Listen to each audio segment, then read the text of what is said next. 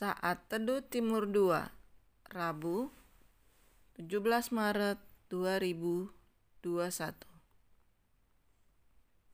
Dengan tema Lebih Besar.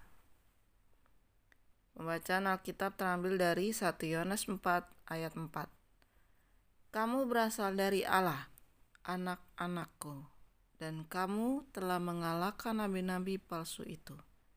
Sebab roh yang ada di dalam kamu lebih besar daripada roh yang ada di dalam dunia. Shalom.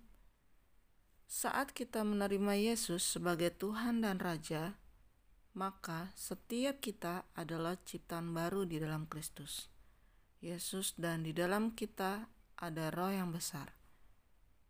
Roh yang lebih besar dari roh yang ada di dalam dunia.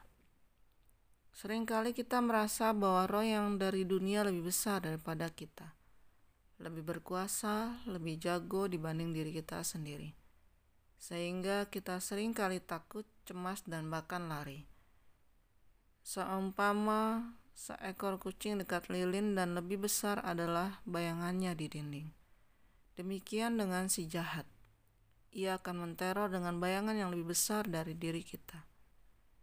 Jangan mudah terburu-buru takut, cemas, atau menyerah terhadap apa pun yang kita kerjakan, baik itu di pekerjaan, usaha, atau apa pun yang kita lakukan. Kita diciptakan Tuhan bukan untuk kalah dan lari ketika menghadapi tantangan.